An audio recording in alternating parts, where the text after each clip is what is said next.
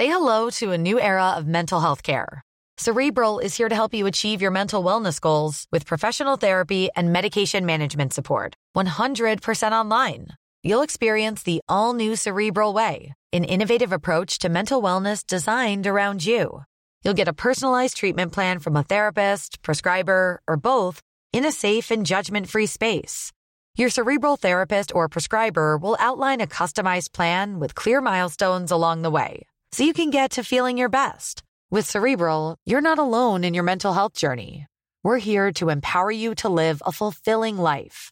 So take that first step towards a brighter future and sign up today at cerebral.com slash podcast and use code ACasts to get 15% off your first month. Offer only valid on monthly plans. Other exclusions may apply. Offer ends July 31st, 2024. See site for details. Ryan Reynolds here from Mint Mobile. With the price of just about everything going up during inflation, we thought we'd bring our prices down.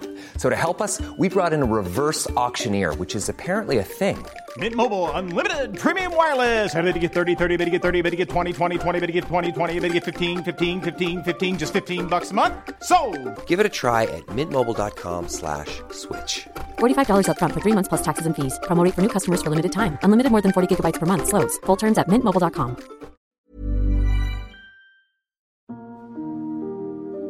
أهلا أنا شهادة خيم مقدمة سكون. بودكاست آخر من إنتاجات شبكة Kerning Cultures معتقداتنا العميقة تأثر علينا أكثر مما نعي لأنه كل اللي نركز عليه يتسع. في سكون نستكشف مع بعض 30 معتقد معيق في 30 جلسة تأمل ونسعى لتغييرها بمعتقدات جديدة تترسخ في اللاواعي مع التكرار. كونوا معنا كل يوم خلال شهر رمضان. لنتوسع ولنعيش بشكل أعمق.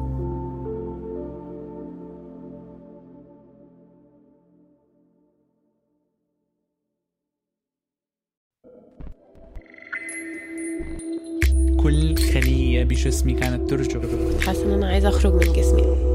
تجارب وحكايات عن الجسد والذات وما بينهما. هنا شبكة Kerning Cultures تستمعون لبرنامج جسدي.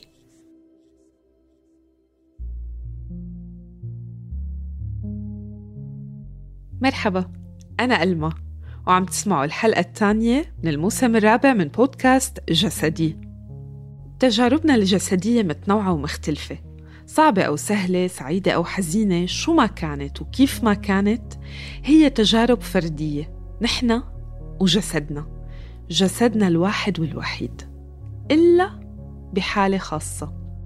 الحالة اللي بيكون متاح لنا فيها نعيش بجسدين أو حتى بأكثر هالحالة الخاصة كتير ومحدودة المدة والوقت هي حالة الأمهات.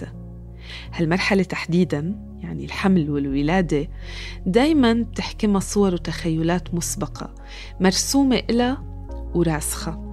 سواء عن طريق قصص تجارب عم نسمعها فن سينما كل شيء ورغم الإدراك العام إنه ما كل التجارب متطابقة ولا كل الأمهات ممكن يعيشوا نفس المشاعر والتقلبات بس دايما دايما عم بيكون في توقعات.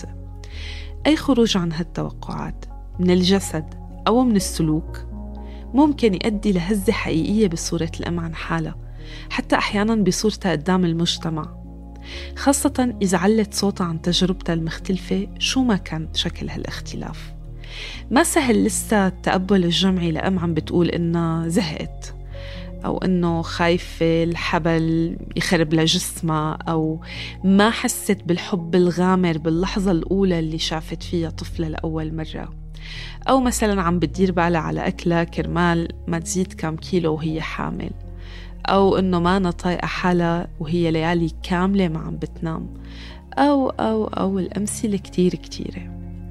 كل مرحلة من الأمومة إلا للأسف خطوط عريضة موضوعة مسبقا وتوقعات مقدسة عم بتشكل ضغط طول الوقت على الأمهات ليطابقوا الصورة المثالية على مستوى الأداء الجسدي والسلوكي كمان. لكل أم الحق بإنها تعيش أمومتها مثل ما هي بدها وتشكل فكرتها الخاصة هي عنا وتتصالح مع جسدها وتجربتها المتغيرة والمتطورة طول الوقت. عم تسمعوا الحلقة الثانية من بودكاست جسدي. توقعات مقدسة.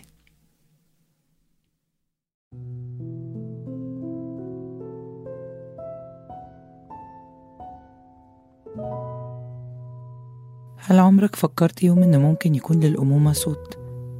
ممكن البعض يفكر إن الأمومة بقدسيتها لو كان ليها صوت ممكن يكون لحن عذب. بيمثل اللي اتغرس فيها من الحنان والتفاني والتحمل والصبر والتسامح وغيرها كتير من الصفات النبيلة. أنا شخصيا قبل الحمل والولادة كنت بتخيل صوت الأمومة زي صوت الكروان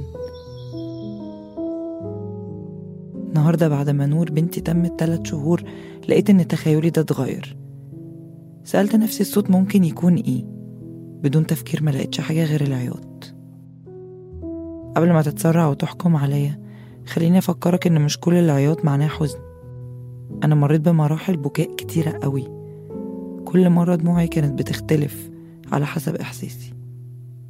كل مرة مشاعري كانت بتتغير فيها كنت بعبر عنها من دون تفكير ولا وعي بالعياط.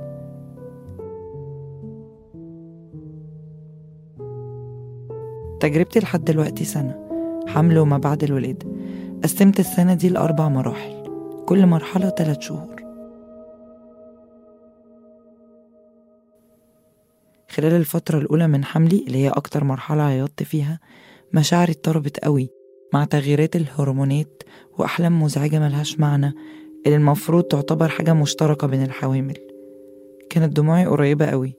بعيط على كل حاجة تافهة ولا جادة بعيط من غير سبب واضح. وممكن أعيط لأسباب كوميدية جدا.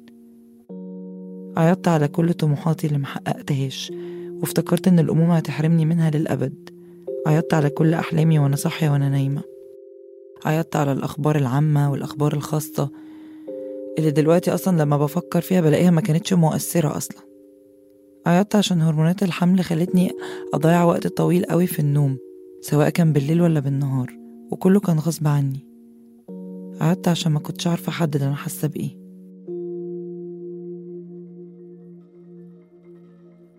الكتير بيقول على الفترة التانية من الحمل اللي هي بتبدأ من الشهر الرابع للسادس مرحلة الاستقرار.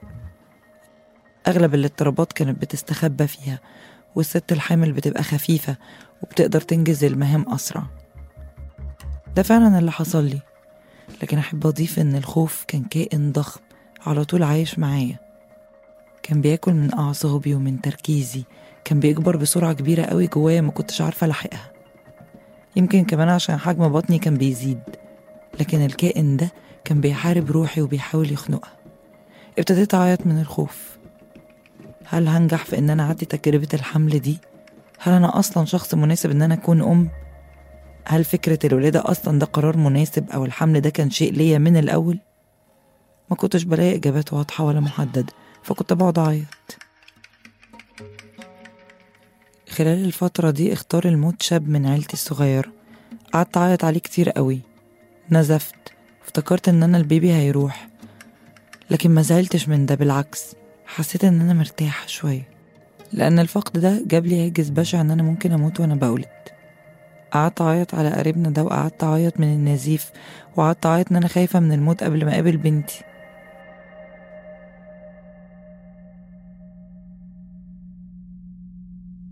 مع بداية الشهر السابع اللي هي المرحلة الأخيرة من الحمل شعرت بأوجاع كتير قوي في جسمي يمكن عشان كنت تقيلة وقتها. وضيف على ده بقى ألم الزهق وطول الانتظار. وزني زاد ووزن نور زاد كمان. وزاد معاه الانتفاخ بتاع الرحم فكان بيضغط على باقي أعضاء جسمي وبطني خصوصا المعدة. فكانت الحموضة على طول معايا. قعدت أعيط من ألم الحموضة وعلى كل الأكل اللي حرمت نفسي منه عشان أقلل صعوبات الهضم وكان كمان بيجيلي ارتجاع.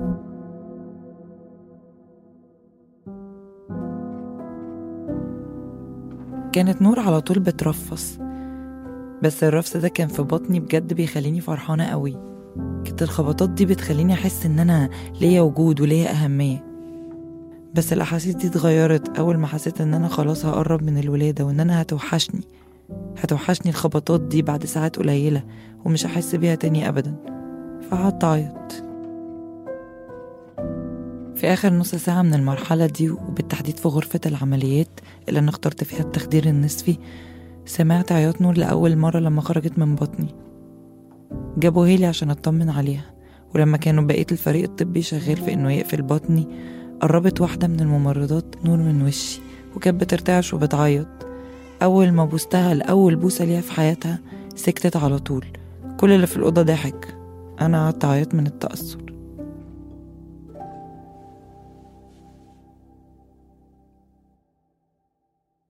انتهت مرحلة وبدأت مرحلة تانية من العياط.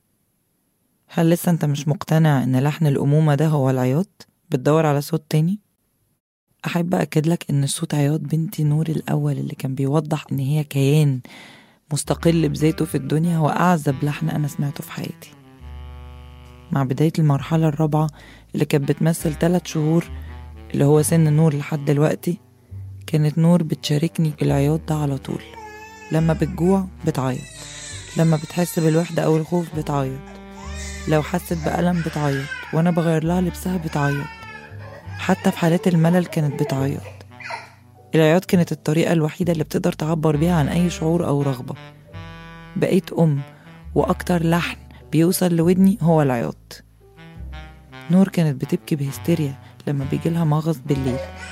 ده شيء طبيعي وكل الأطفال في الشهور الأولى بتحس بده. كانت بتفضل تعيط لحد ما النهار يطلع وتطلع معاه روحي. كان جوزي بيطبطب عليا وبيصحى الصبح بدري قبل ما يروح شغله وياخد مني نور شوية. فكنت بقعد أعيط لحد ما أنام إن شاء الله حتى لو نص ساعة بعد صراع طويل مع العياط والبكاء المشترك أنا وهي. نسيت أقول لكم إن وأنا بكتب المقال ده أنا وقفت كذا مرة بسبب عياط نور. انتهى بيا الأمر إن أنا حطيتها فوقيا وأنا قاعدة على كرسي المكتب.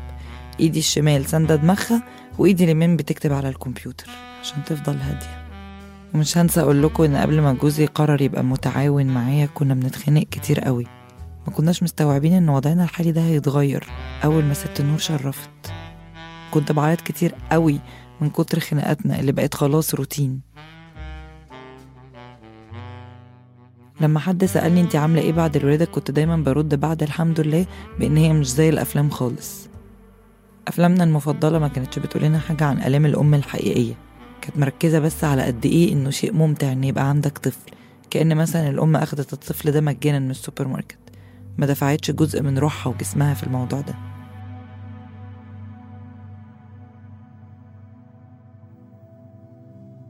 أنا بنتي كانت شريكة في جسمي. كانت بتاخد كل عناصرها الأساسية في بناء جسمها مني من فيتاميناتي. كنت بحس إن أنا وقت الرضاعة ما بديهاش لبن بس أنا كنت بديها حتة من روحي. كان بيوصل لها مشاعري ومزاجي في كل لحظة. حبي امتناني. كان بيبقى صعب على جسمي قوي خصوصا بعد الولادة لما بدأ شعري يقع. كنت بحس بتعب قوي وإعياء شديد. لكن كنت بحس بامتنان المهمة العظيمة اللي ربنا اختارني عشانها. إن أنا أبني إنسان. أكيد في متعة مدفونة في حتة كده سحرية بتبان قدام بس هي أكيد ما بتبانش مع البدايات خالص. إزاي متخيلين إن أم جديدة تكون مثلا مبسوطة أو بتستمتع بالمراحل دي؟ وهي بتعاني من آلام جرح الولادة وبتعاني من نزيف وبتعاني من لخبطة في ساعات النوم ألم بقى عدم النوم ألم الرضاعة اللي محدش قال لنا إن ليها تخصص اسمه طب الرضاعة الطبيعية كان ممكن يساعدنا لو سمعنا عنه وعملنا بيه.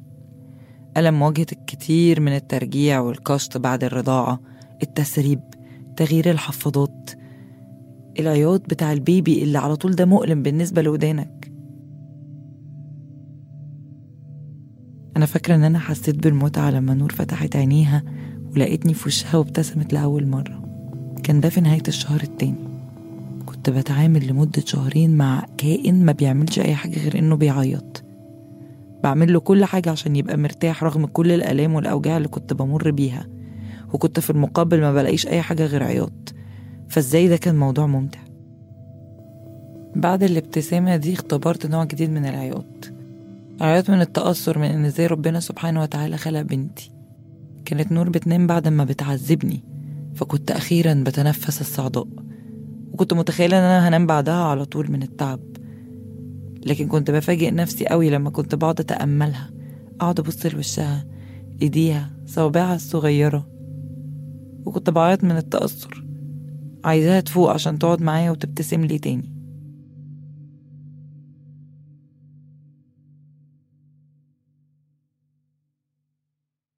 بعد الموضوع ده طورت أنا ونور نوع مختلف من ردود الفعل على العياط. في مرة استخدمت فيها ميكروفون بيكبر الصوت وبيعمل له صدى. كان جوزي جابهولنا عشان نغني بيه. استخدمته عشان أشتت انتباهها أول ما تبدأ تعيط. كنت بحط المايك قدام بقها فبيتحول المشهد العياط ده لمشهد كوميدي جدا. سجلته وسميته كذا اسم عياط نور واحد عياط نور اتنين وهكذا. في مرات تانية كنت بقعد أدندن لها أغنية. كل لما أبدأ أغني وأندمج تبدأ هي في العياط. فكنت في الأول بوقف لحد ما هي تبطل عياط. بس بعد كده غيرت رأيي. قلت إيه المشكلة؟ هغني وهستخدم صوتها ده زي لحن للأغنية. زي ما الملحن والمطرب المصري محمد فوزي عمل من أكتر من 55 سنة في أغنية ماما زمانها جاي. وكنت ب save ال notes دي وسميتها الأغنية زائد عياط نور. أراهنك إنك مش هتقدر تسمعها من غير ما على الأقل تبتسم. حبيبي حبيبي حبيبي يا رق. دلوقتي بس فهمت دموع أمي الله يرحمها اللي كانت بتعيط كل مرة أسافر فيها أو أرجع من السفر. كل مرة أرجع البيت وأكون كلت بره وهي طبخت أكل أنا مش هاكله. لما كنت بتأخر في الرد على تليفونها عيطها يوم ما نجحت يوم ما اتخرجت من الجامعة يوم ما اتجوزت. عيطها أول مرة لما اسمي نزل على أول حوار أجريته في مجلة وأنا عندي 18 سنة. عيطها يوم ما نشرت مقال عنها بمناسبة عيد الأم. الأمهات بتعيط من الخوف من الألم من الحزن من الحب من الحنين من الفرح. وده في رأيي هو لحنهم المقدس للأمومة.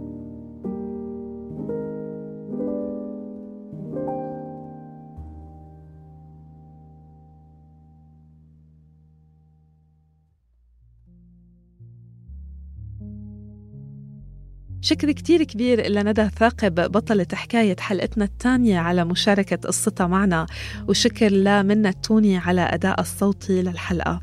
شكر كتير كبير على المتابعة منا نحن فريق الإعداد نيما صالحة وشهد بني عودة ورند خضير وأنا ألمع عنتبلي ومن الصوت بول ألوف ومن التسويق سمية أبو عبد الله تصميم الجرافيكي للموسم الرابع من جسدي لأحمد سلهب. أما صور الحلقات لدينا سالم. ما تنسوا إذا حبيتوا حكاية اليوم تشاركوها وتقيموها لنقدر نوصل لعدد أكبر من الأشخاص المهتمين. انطرونا الخميس الجاي بحلقة جديدة وضلوا بخير.